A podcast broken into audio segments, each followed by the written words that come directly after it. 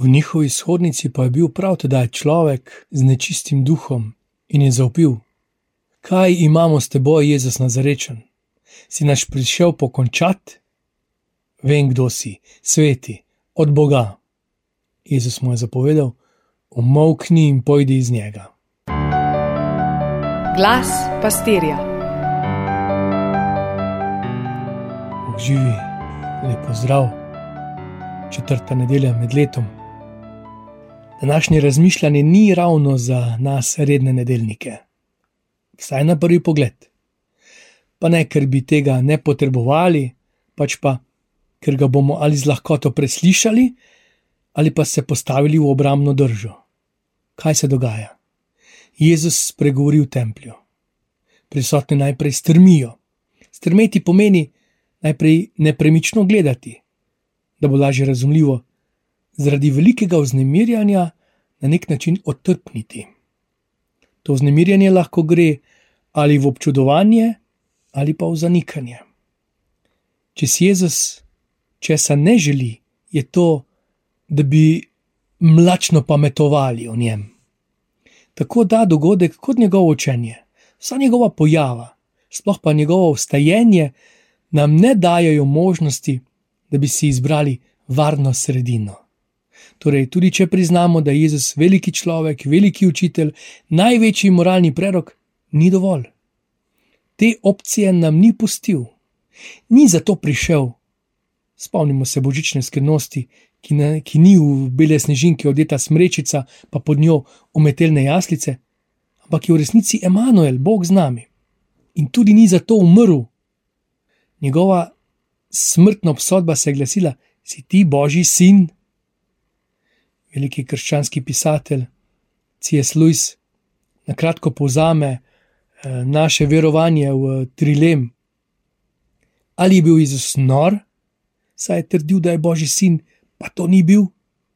Ali je bil lažnivec, torej pokvarjen, saj je vedel, da ni Božji sin in je zavestno zavajal ljudi? Ali pa je resnično Božji sin? Zdaj stoji v templju in uči. Že samo besede niso, kakor nauk drugih, zbuja presenečenje, kliče k opredelitvi. Če pokukamo samo nekaj nedelj nazaj, smo že na prvo nedeljo v letošnjem letu po Izaiju zasledili, da njegova beseda ni pač ena beseda, ampak se ne vrača, dokler ne opravi svojega. Naslednjo nedeljo smo v naši dremavosti slišali, kako Gospod strano kliče Samuela. In preteklo nedeljo smo bili priča trenutku, ko je k Jonu prišla Gospodova beseda. Vmes je klical Janez Krstnik in pošiljal naprej da bi se ne ustavili pri naših vrhovih, ki smo jih osvojili, pa tiho ždeli v sencah svojih uspehov. Jezus pa pripravlja teren in začne zbirati učence, jih kliče. Prejšnjo nedeljo sem preizkušal moč besede. Vsaj malo. Med pridigo sem poklical ministranta. Tako je prišel, med mašo, med pridigo, vsem na očeh. Če bi poklical koga od drugih, recimo mladih ali od vernega občestva, bi bila zgodba verjetno drugačna.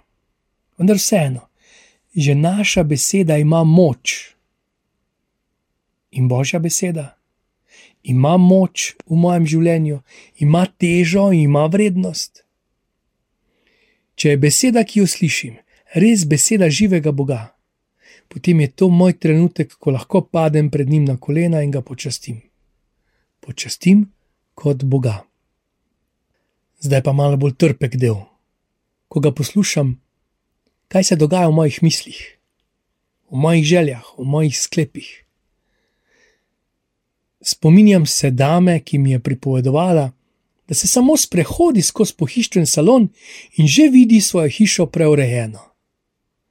Me izziva ta dama, koliko krat se moram še sprehoditi po poti z veliko pisano.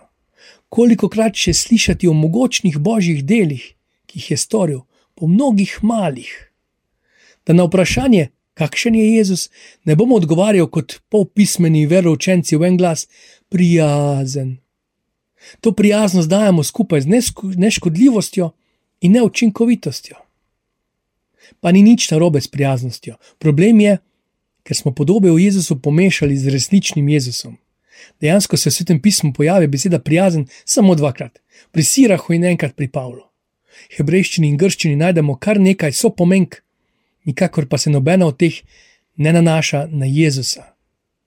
Ga pa danes opišajo kot tistega, ki poučuje z močjo in mnogo kaj bodo z njim še doživeli, da mu je narava pokorna, da ozdravlja, da čudežno pomnožuje hrano, dela iz vode vino, to da to, kar ga dela močnega, ga dela tudi nevarnega. Sobota je in kakor vsak pobožen jut je šel Jezus v tempelj in jih je učil. A ne bi bilo čudovito sedeti ob Jezusu in ga poslušati, kako pripoveduje prilike noči. Med množico je nedeljnik, ki mirno prihaja iz tedna v teden k bogoslužjem, morda celo bere berilo, poje na koro, ki pa prav strepeta, zdrgeta, ko se ob njem pojavi Jezus. Vsi so znamirjeni, eni navdušeni, spet drugi prestrašeni. Kaj imamo s teboj ali kaj hočeš od mene? Prah sprašuje stvarnika. Kaj pa lahko sploh dam vsemogočnemu? Tako udobno mi je v moji veri, znotraj religije sem si ustvaril še svojo. Zato ni čudno, da se k temu negodovanju pridruži še, si nas prišel uničiti. Ponavlja se zgodba prvega greha, Bog predstavljen kot tekmec človeku. In ponavlja se zgodba odrešenja. Dolgo je zdržal hudi duh v človeku, z njim celo prihajal k molitvam, ker niso, dokler niso osebne, dokler se ne dotikajo mojega resničnega življenja, dokler so to le lepe besede, hudega duha ni motilo. Dokler je bil ta jut ali danes kristjan lepo vzgojen, kot lahko rečemo, crkvena miš ali lahko veren uh, vernik ali pa pohleven vernik, je vse pod nadzorom hudega duha. Bog pa je Bog svobode. Na poti izgona iz raja je zastavil svojega sina, da je postal pot v nebesa. In to ni prijazno, to je mogočno, noro, vse mogočno, božje.